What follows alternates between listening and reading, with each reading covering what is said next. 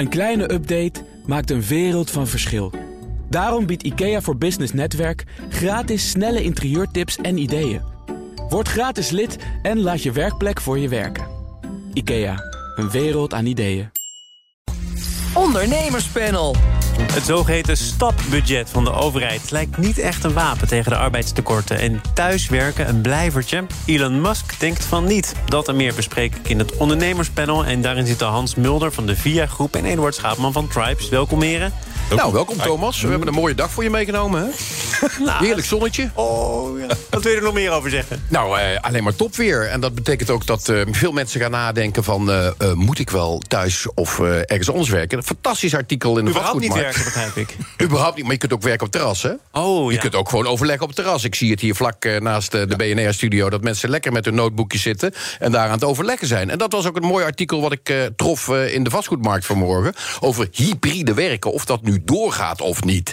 Nou, daar zijn we allemaal nog een beetje de weg kwijt, zie ik. Want hybride werken voor de ondernemer of voor de baas van het bedrijf... betekent eigenlijk drie dagen op kantoor en twee dagen thuis. Maar voor de medewerker net andersom. Dus eh, er moet richting worden gegeven met wat we eigenlijk bedoelen met En hybride waar werken. werk jij? Want je ziet er heel erg zongebruind uit. Ik heb vanmorgen heerlijk eerst op de racefiets gezeten. Want je moet altijd wel zorgen dat je goed van lijf en leden Ja, bent. daar profiteert nu eh, de luisteraar van. Dus dank daarvoor. We praten Nou, zo meteen eh, door over hoe en waar te werken. Onder andere vanwege de voorstellen van Elon Musk. Of voorstellen, bevelen. Is maar net hoe je het wil lezen. Hans, wat is jouw nieuws? Ja, mijn nieuws is dat eh, voor het eerst een overheid gaat investeren in de metaverse. Metaverse is natuurlijk al een heel oud begrip. Begonnen met Second Life al in 2003. En nu zie je dat dus Zuid-Korea investeert 177 miljoen dollar om onderzoek te doen naar hoe gaan we dat metaverse van ja, eigenlijk het oude Facebook, hè, hoe gaan we dat gebruiken? En dan praat je eigenlijk over die virtuele wereld. Hè, dus over virtuele grond, over virtuele ja, eh, tokens, hè, de moeilijke term NFT daarvoor. Hè. En ik vind dat interessant, want ik ben zelf al 25 jaar betrokken in die ontwikkeling van computers, niet voor berekenen, wat we eigenlijk heten computing, maar voor communiceren. En nu zie je dus dat het eigenlijk ja, na 25 jaar misschien stapje voor stapje gaat lukken. En is het eh, goed dat een overheid eh, budget beschikbaar stelt om dat te onderzoeken? Of zou je ook kunnen zeggen, nou, misschien is het ook wel weer een methode om op mensen te verstevigen? Ik denk dat het goed is, want nu is het in de handen van de grote big tech bedrijven. Dus eh, Microsoft probeert dat te doen, eh, oude Facebook, Meta probeert dat te doen. Ik denk dat als het echt iets is, dan moet het zijn van iedereen. En ik denk dat het goed is dat overheden zich heel goed bewust zijn van het risico dat platforms zo meteen weer het ja, medium gaan worden. En zeker wanneer er allerlei aankopen gaan gebeuren. Maar, Maar eh, Hans, laat je- even, eerlijk- even eerlijk. Kijk, Ja, als de ja. overheid er ook in gaat investeren... en gaat meedoen en het gaat overnemen... Nee, het is nu Ja, onderzoeken nog, hè? Ja, Maar nog er wordt onderzoek. nog- Ja, maar ja, Hans zegt van, nou ja, het zou fijn zijn als overheden er ook in stappen. Kijk eens naar het IT-drama bij de overheid. Ja, Ja, vertel me wat, te vertel me wat. eh, Je hebt, je er vast wel eens een keertje iets aan verdiend, toch? Aan al die drama's? Ik heb er niks aan verdiend. Ik ben toen gevraagd in 2014 om in de Tweede Kamer daar in een hoorzitting iets over te vertellen aan commissie Elias. Maar eh, dat, dat was echt puur omdat ik daar ja, gevraagd werd. Ik heb er nooit iets voor gekregen. Nee, nee, nee. Maar goed, Ook weer iemand eh, erop ik- gezet die verstand van zaken Ik, heeft. ik proef, ik proef eh, sceptisch. Eh, in ieder geval bij Eduard. Ja, begrijp ik, want het duurt lang. Hè? Het duurt lang. Het is niet een, eh, iets wat natuurlijk klaar is. Het is een ontwikkeling. Maar ik vind het dus wel heel belangrijk dat het buiten de techbedrijven ook wordt gezien als een manier. En het zou ook wel het, ja, het Web 3 kunnen zijn. Hè? Waar nu alles nog een beetje tweedimensionaal is en het kijken naar websites. Wordt natuurlijk steeds meer de bedoeling om die belevenis te hebben. Dat je er doorheen kunt lopen door die eh, gebouwen. En ook door de winkels. Zou het nou ook wel eens kunnen zijn dat we het er heel erg vaak en lang over hebben? Vandaag weer. Ja. En dat het uiteindelijk toch vooral gebakken lucht blijkt te zijn? Ja, ik Ik bedoel, die NFT's waar je het over hebt, hè, dat Ja. digitaal verhandelbare pixels. Zeker. Plat uitgedrukt. zeker. Is dat nou over twee jaar iets substantieels? Nou, kijk, het onderliggende waardeverhaal is een probleem nu. Dus nu kun je eigenlijk zeggen, ja, wat is het waard? Maar wat we zagen tijdens de corona was dat er dus ook ja, cong- congressen, concerten werden georganiseerd op het internet. Waar miljoenen mensen op hebben aangesloten. Ja, op dat moment is zo'n digitale token echt wat waard. Dus ik denk dat dat zeker gaat gebeuren. Alleen ja, de vraag was natuurlijk bij mij heel sterk van ja, wie stapt erin? Alleen de techbedrijven of ook anderen. En ik vond het eigenlijk wel een, een goed bericht. En ik zag het ook trouwens terug in de Financial Times van eergisteren. eh, die ook echt aandacht aan bes- bes- besteden besteden.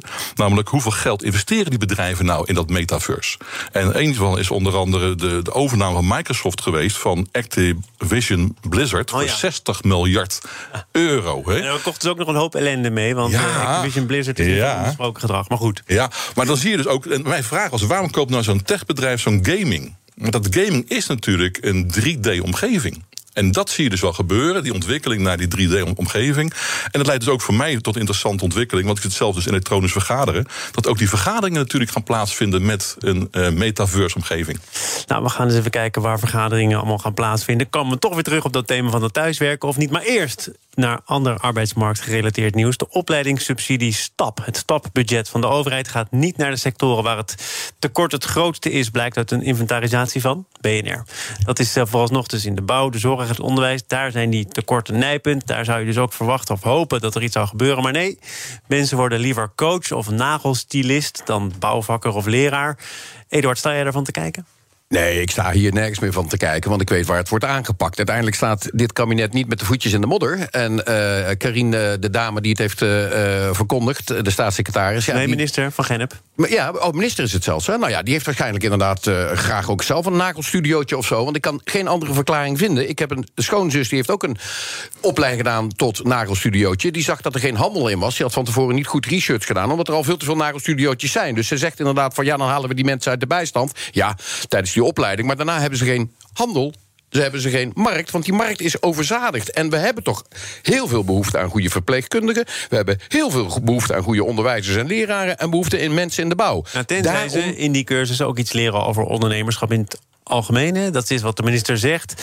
Je bent daar niet om een krapte op te lossen. Nee, je bent ervoor om te zorgen dat je duurzaam inzetbaar bent. En dan kan dat stapbudget wel degelijk bij helpen. Heeft BNR al onderzoek gedaan op hoe je die studie krijgt? Want dat heb ik namelijk wel gedaan. Hoe je kunt eh, krijgen die duizend euro om die studio, of om die studio op te richten. Ligt er toe. Wordt er een vervolg eh, aangekoppeld? Wordt er gezegd van je krijgt dat geld alleen maar als je inderdaad een zaak nee, neerzet? Dit, dit is vrijblijvend, hè? Nee, dit is vrijblijvend. Het is allemaal vrijblijvend. En dus, dus ja, oké, iedereen die zin heeft om een keertje een opleiding te volgen... die kan, oké, hier, een nagelstudiootje, 1000 euro... en weg is het geld. Ja, je, je, treft het wel, want je staat hier tegenover iemand... die nogal wat opleidingen gevolgd heeft. Stapelaar. Stapelaar, ja, ja, ja, Maar ik dacht wel in het licht van deze discussie... jij bent het bewijs dat blijkbaar als je wil... of ondersteund wordt door je werkgever, door jezelf, door de overheid... dat het dus lukt. En, en al die stapelingen van jou even in ogenschouw nemende... ben jij ook gesteund door de overheid om maar door te blijven leren, of niet? Ik denk dat het belangrijkste punt was de ondernemerschap. Namelijk dat je de ruimte krijgt om er iets mee te doen. Die duizend euro kan nooit het verschil maken. Maar het feit dat je in je werk het kunt toepassen, dat is volgens mij het verschil. En dat is wat jij ook zegt, denk ik. Het gaat er niet om mensen een opleiding te geven, het gaat erom het toe te passen in het werk. Dus ik zou eigenlijk zeggen: ja, het is mooi dat mensen geld krijgen, maar het is nog veel beter dat mensen de kansen krijgen. En de kansen krijgen betekent nieuwe ontwikkeling in te zetten. En dat is bij mij gebeurd. En dat heeft ertoe geleid dat je dus veel kan ja, kan leren. Maar, maar, maak dat dus concreter. Want die duizend euro geven jou ook de kans, om het maar zo te vertalen, om iets te gaan ontdekken wat misschien uiteindelijk een handeltje kan worden. Nou ja, ik denk dat wat je zou kunnen zeggen is: geef mensen geen uh, opleiding, maar geef mensen een opdracht. Doe dat microbedrijf starten. Start het bedrijf dan maar op tijdens die, die opleiding. Maar laten we nou toch eerst eens eventjes terug, uh, terug met de voetjes op de vloer. Waar is op dit moment het probleem? Dat zit in de bouw, dat zit in de verpleegkundigen... dat zit in de zorg, dat zit in het onderwijs. Ja. Waarom focussen we het niet om dat eerst op te lossen? Omdat we niet in Noord-Korea wonen. Nou, Omdat als ik geen bouwvakker wil worden, ik ook door de overheid niet verplicht kan worden om dan toch maar bouwvakker te worden. Nou, dan ga je, dan ga je toch iets doen op eigen kracht. Daar heb je toch geen overheid voor nodig? Dan ga je toch op eigen kracht maar dan, dan, zou je toch ook kunnen zeggen, dan zou je toch ook kunnen zeggen, werkgevers in de bouw doe je best om ervoor te zorgen dat mensen voor de bouw kiezen. Misschien sla ik het iets te plat, maar er zijn heel veel sectoren die uh, O&O-fondsen hebben. Hè, voor opleiding, voor ontwikkeling. Misschien niet voor iedereen toegankelijk, maar ik begrijp wel eens... misschien is de informatie achterhaald... dat er nog best wel veel geld in zit. Absoluut. En dat dat sectoraal gebonden is. Dus als je zou willen Oké, okay, okay, maar je pakt nu de bouw. Pak dan ook pak gewoon de zorg. Daar wordt ontzettend veel opgeleid. Pak bij leraar en onderwijs. Daar wordt ontzettend veel herhaling gedaan. Maar toch hebben we een tekort. Maar jij vindt dat bepaalde wegen moeten worden afgesloten... omdat we daar geen behoefte aan hebben... en andere sectoren zitten te springen om mensen. Ja, natuurlijk, als het geld is van ons allemaal... want wij willen allemaal mooi kunnen wonen... wij willen allemaal goede zorg ontvangen... en we willen allemaal onderwijs. Iedereen in Nederland. En we willen niet allemaal een nagelstudio. En als Hans zegt dat heeft niet zoveel met geld te maken... wat, wat zeg jij dan? Klopt helemaal. Dat klopt weer wel. Dat klopt weer wel. Want uiteindelijk krijg je mensen naar je toe als je als bedrijf of instelling iets anders doet dan alleen die salariering. Want dat is 50% van de motivatie. Die andere 50% is hoe is de cultuur? Vind ik het leuk? Is de job interessant? Noem maar op. Maar als, als Karin van Gennep zegt... voor de krapte in bepaalde sectoren kijk ik toch met name naar werkgevers... heeft ze dan gelijk of niet? Ik zou willen dat ze alles overlaat aan werkgevers.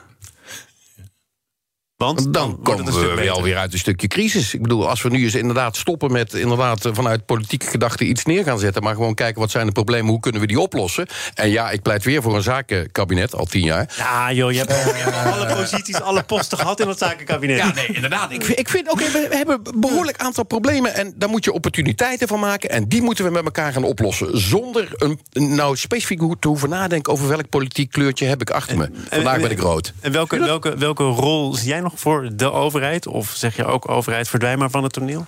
Nee, ik denk dat de overheid zeker een, een, partij is, maar niet de enige partij is. Je had het over de ONO-fondsen. En ik heb zelf vrij veel met installatietechniek te maken gehad. Met eh, het vroegere OTIP en tegenwoordig wijttechniek. En wat zie je nou gebeuren? Iedereen stopt vanuit de CAO iets in het potje. Want dan ga je mensen opleiden als sector. Maar als het heel druk is zoals nu, is er geen tijd voor mensen op te leiden. Dus dat potje, dat vult zich aardig. En als het dan heel slecht gaat met de economie, zeggen mensen... ja, nou gaan we mensen niet opleiden. Dus de vraag is niet het geld. De vraag is gewoon, hoe zorg je ervoor... dat iemand tijdens het werk zich kan ontwikkelen? En dat is volgens mij een veel andere vraag dan de 1000 euro geven. Daar vind ik nog wel wat in zitten. Want in, pr- in principe, inderdaad, we geven heel trainingen, heel veel trainingen. Ja. Maar na die training, wat gebeurt er dan Doe je met dat geleerde? Ja. Eh, Is er een vervolg? Inderdaad, je hebt gelijk. Net zoals is er een vervolg van te investeren in die nagelstudio. 1000 euro wordt er daarna nog doorgevraagd hoe heb je het opgezet. Eh, wat ben je aan het doen? Eh, hoe haal je je geld binnen? Waar haal je je klanten vandaan? Als er een vervolg aan komt, dan zou je wat kunnen hebben aan die investering. Vervolg van dit panel is al aanstaande. BNR Nieuwsradio. Zaken doen. Thomas van Zeil. Eduard, ging het nou te snel voor je? Ging Dat veel mag te- je gewoon toegeven. hoor. Ja, ging op een gegeven moment veel te snel voor mij. Eduard bedoel- Schaapman en Ja. Hans Mulder zijn. er. Nou, je probeert het te herpakken. Ik denk wel dat het erin zit, want het gaat over een thema dat jou aan het hart gaat. Ja, absoluut. Tesla-topman Elon Musk lijkt het gehad te hebben met thuiswerken. De miljardair mengde zich woensdag in een discussie op Twitter, notabene, over de terugkeer naar kantoor. Mensen die dat niet willen, kunnen wat hem betreft beter opkrassen. Overigens, laatste personeelsnieuws rondom Elon Musk. Hij wil 10% van alle medewerkers van Tesla ontslaan. Eh, maar laten we beginnen bij, bij dit eh, thema, namelijk de verplichting die Musk oplegt aan zijn medewerkers om op kantoor te verschijnen. Ja. Heb je daar begrip voor? Nou, eh, ik ben niet uh, Corné van Zijde die inderdaad eh, hier eh, voor zei van een heel slechte manier van omgaan met medewerkers. Want dan moet je even goed nagaan. En dat vind ik dus tegenwoordig een beetje ontbreken in het journaille. Wat heeft hij precies gezegd? En wat is er verteld, bijvoorbeeld bij CNN en bijvoorbeeld in de New York het, Times? ons, wat, hij heeft, ja, wat hij heeft gezegd is niet... je moet 40 uur op kantoor komen en achter je desk gaan zitten, tikken. Maar er moet wel met elkaar ontmoet worden. En we moeten bij, bij elkaar blijven komen. Want ik wil nog steeds het innovatieve bedrijf blijven wat ik nu ben. En dat betekent dat mensen bij elkaar moeten komen. Dus hij zegt niet, je moet 40 uur op kantoor komen, achter je bureau zitten. Nee, we moeten elkaar blijven ontmoeten. We moeten naar elkaar eh, zoeken en gaan. Maar heeft hij dat op CNN gezegd? Of Nee, dat heeft hij niet op? CNN Want- gezegd. Dat heeft hij gewoon in zijn berichten intern gezegd. En wat er wordt gedaan is, er wordt uit één tweet wordt er iets gehaald. Nou, omdat die tweet ook heel duidelijk is, die wil ik dan toch nog eventjes. Ja, natuurlijk. Voordragen. uiteindelijk een statement Wie maken. Je maakt een statement. huis werkt, moet minimaal, en dan bedoel ik echt minimaal 40 uur per week op kantoor werken of het bedrijf verlaten. Dat is minder overigens dan we verwachten van onze fabrieksarbeiders. Dan hebben we in ieder geval wel een discussie. je Dat zie je wel je wel de schuld geven, maar dit is toch wat hij zelf. eh, de Ja, maar dan ga je toch even nagaan, gaan, nagaan wat, wat bedoelt hij nou precies met die 40 als uur? jij- als jij in het hoofd nog van even, nee, nee, nee, kijk, kijk, een hele grote, grote meneer in de vastgoedwereld, Jeroen Lokussen van eh Cushman, heeft er vanmorgen inderdaad op LinkedIn iets over gezegd. Heel goed. Hij zegt ook, het gaat om 40 uur niet ach- achter een bureau zitten, maar wel ontmoeten. Waar ontstaan de meest creatieve ideeën? Hier in deze studio. Ja, in deze studio, bij de koffieapparaat, noem maar op. Eduard heeft daar een belangrijk punt. En ik denk, Eduard, je hebt ook gezien dat in de laatste maanden dat weer toeneemt. Hè? Die eh, mensen die dus bij elkaar gaan komen. Ja, dit, dat is wel heel raar. Ik heb natuurlijk eh, best wel een moeilijke periode gehad wat ik zit. Het is natuurlijk wel Het een beetje business. biased. hè. Het is my business. Beetje maar, ja. Tuurlijk, ik zeg het al eerlijk. Ik moet echt zeggen van het is na december heel hard gegaan. We hebben afgelopen mei de beste verkoopmaand ever gedraaid. Omdat mensen weer terug naar kantoor willen. De mensen die hier in Amsterdam op 20, 24 vierkante meter zitten... die willen niet de hele dag tegen de kat praten... maar die willen ook wel eens Maar, tegen maar andere mensen de beste praten. maand ooit. Moet je dat dan relateren aan het feit dat jullie ook heel erg veel zijn kwijtgeraakt? Ja, we zijn ontzettend veel kwijtgeraakt. Dus, dus per saldo is de bezettingsgraad nu hoger dan voor Nee, die is nog lang niet hoger. Ik moet- ik moet hem nog goed even- maken. Ik moet hem nog goed maken, Je moet maar je- even naar de context vragen. Ja, nee, maar dat is heel goed. Dat doe je goed, Thomas. Eh, Je, je bent gevorderd in de afgelopen tien jaar dat ik hier zit. Dus dat gaat steeds beter. Maar uiteindelijk is het wel zo dat je ziet... dat er een totaal ander soort publiek naar ons soort eh, eh, bedrijven komen. En waarom? Je ziet dat de grote corporates echt aan het nadenken zijn... van hoe moeten we nu gaan werken. En die gaan inderdaad meer met hubs werken. Iedereen is ermee bezig. Nog niet iedereen heeft het juiste beeld gekregen. Ik denk dat het en-en is. Je kunt inderdaad eh, werken op andere plekken dan op een vaste plek. Maar je moet wel zorgen dat je je mensen van je bedrijf blijft ontmoeten. Want je wil die cultuur handhaven, je wil creatief blijven... je wil nieuwe ideeën opdoen. En die nieuwe ideeën doe je niet op... Wordt dit nou iets, denk jij ook Hans, waar, waar bedrijven, ook grote bedrijven, op gaan concurreren? Want het interessante is dat eh, Elon Musk natuurlijk nog bezig is om Twitter te verwerven. Nou, afhankelijk van of dat nou lukt of niet. Maar daar is nou juist het beleid. Zoek het allemaal maar uit. Als jij liever thuis wil werken, dan werk je thuis. En daar is volledige vrijheid, blijkbaar. Ja, dat is heel Wordt dat, wordt, bijzonder. dat, wordt dat belangrijker? Ik hoorde van de week een heel leuk verhaal... dat mensen niet meer naar kantoor kwamen... omdat ze tijdens de corona hun auto verkocht hadden. En ik denk, ja, dat is natuurlijk ook een punt van aandacht. Hè? Want het gaat niet zozeer erom dat je dus nou 40 uur per week op kantoor moet zitten... maar je moet elkaar wel kunnen ontmoeten. En ik denk dat dat wel een risico wordt. Dus bedrijven zouden dat moeten inzetten, precies wat jij zegt... eh, eh, op die samenwerking. Op het idee dat je een team bent. Dat je met elkaar ook dingen gemeenschappelijk hebt. Niet alleen inhoud van het werk, maar ook gewoon. En dat is dus... Lekker in de metaverse. Nou, dat is één. Dat is één. Maar dat, is iets. Maar, maar toch, ik blijf erbij, Thomas. We hebben het wel over de schoolgaande kinderen en de jeugd tot en met 25... die heel veel thuis hebben gezeten en psychische problemen hebben. Ik kan je vertellen, mijn gemiddelde leeftijd bij mij op kantoor is 24,5. Dus ik heb heel veel jongere mensen die diezelfde psychische problemen hebben. Die werken dan toevallig en die zijn niet naar school. Dus ja, mensen willen elkaar blijven ontmoeten. En dat moeten we niet ontkennen. Wel is het zo dat iemand die twee jaar thuis heeft gezeten... ja, die vindt het verdomd moeilijk om te veranderen. Dus die moeten eerst weer een beetje toe worden aangezet. Het is hetzelfde als twee jaar niet naar de sportschool gaan. Laatste deel van de verkenning van de arbeidsmarkt. Helaas het eh, minst fraaie hoofdstuk. Oekraïners die in het Westland in kassen werken worden uitgebuit. Blijkt uit documenten die vakbond CNV in handen kreeg... eh, na onderzoek van RTL Nieuws. Hebben gesprekken gevoerd met Oekraïense werknemers. Bij tenminste één bedrijf heeft een groep werknemers te maken met wurgcontracten. En Hans, ja, de eerste vraag is natuurlijk... eh, hoe kan dit na alle andere en eerdere affaires met Litouwers, Ja. Polen, Ja. nu notabene Oekraïners die hier Ja. niet zomaar zijn komen werken uit wilde. Wat denk je dat hier nou achter zit? Ja, ik denk toch wel dat je als werkgever ook al gebruik een uitzendbureau en waar het dan ook vandaan komt, eh, uit Nederland of buiten Nederland. Ik denk dat je wel in contact moet zijn met je medewerkers. En als er dan staat, mensen hebben een zwijgcontract en mogen niet zeggen waar ze ondergebracht worden voor huisvesting, dan zou ik gewoon doorbreken. Wie is hier, wie is hier verantwoordelijk voor? Ik Want- vind, ik vind wel dat als jij een tuinder bent en je hebt mensen die je in, in dienst hebt, dan mag je rustig tijdens de koffie vragen. Hoe gaat het? Waar woon je? Hoe Nee, ga je dat doen? Maar, maar de- de- deze mensen zijn bijvoorbeeld in die plantenkwekerij Ja. ja. verheugd en heel bulbs en plants eh, komen werken via een uitzendbureau. Ja, klopt. Eh, die plantenkwekerij is om een reactie gevraagd. Zegt ja, maar wij zijn in zee gegaan met het Ja, uitzendbureau. ik. Zij voldoen aan alle certificaten. Ja. We dachten dat het allemaal eh Ja, maar dat is natuurlijk fide niet voldoende. Je moet dus vragen aan die mensen zelf die daar werken... van hoe gaat het met jullie? En als ze dan zeggen, ik mag het niet zeggen... want ik heb een zwijgcontract getekend... dan denk ik, nou, dat lijkt me geen goed contract. Dan zou ik zeggen, joh, als jij er niet over mag praten... dan praat ik erover met degene die het uitzendbureau organiseert. Dus ik vind dat je daar verantwoordelijkheid hebt... om goed te zorgen voor je mensen. En als je dus in de gaten krijgt dat die contracten niet deugen... Ja, dan vind ik dat je daar ook geen zaken mee moet doen. Eduard? Ja, ik ben het natuurlijk eens eh, met wat Hans zegt. Eh, eh, uiteindelijk vind ik het de verantwoordelijkheid voor de ondernemer, voor het bedrijf zelf. Dus je kunt niet gaan zeggen van dat is eh het uitzendkrachtenbureau. Maar nogmaals, het gaat hier om één bedrijf. En het weer, is weer een stukje negatief nieuws. Ik was vandaag, eh, gisteravond ben ik naar de kapper gegaan.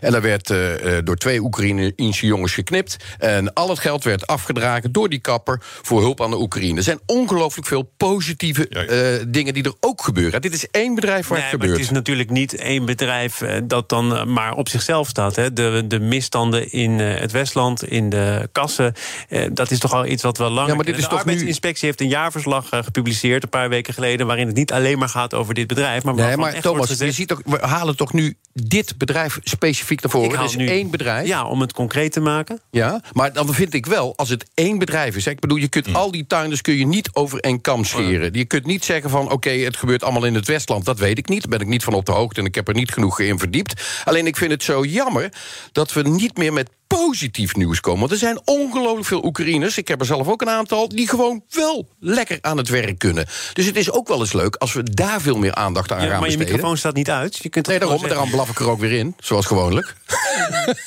Heb jij nog Oekraïners eh, voor je werken? Of Nou, interessant werken? is dat ICT'ers zijn ook heel uit de Oekraïne, maar die mogen het land niet uit. Dus die werken tijdens deze oorlog gewoon op afstand. Oh. Ja, dat is natuurlijk omdat een bepaalde leeftijd, dan moet je in het land blijven.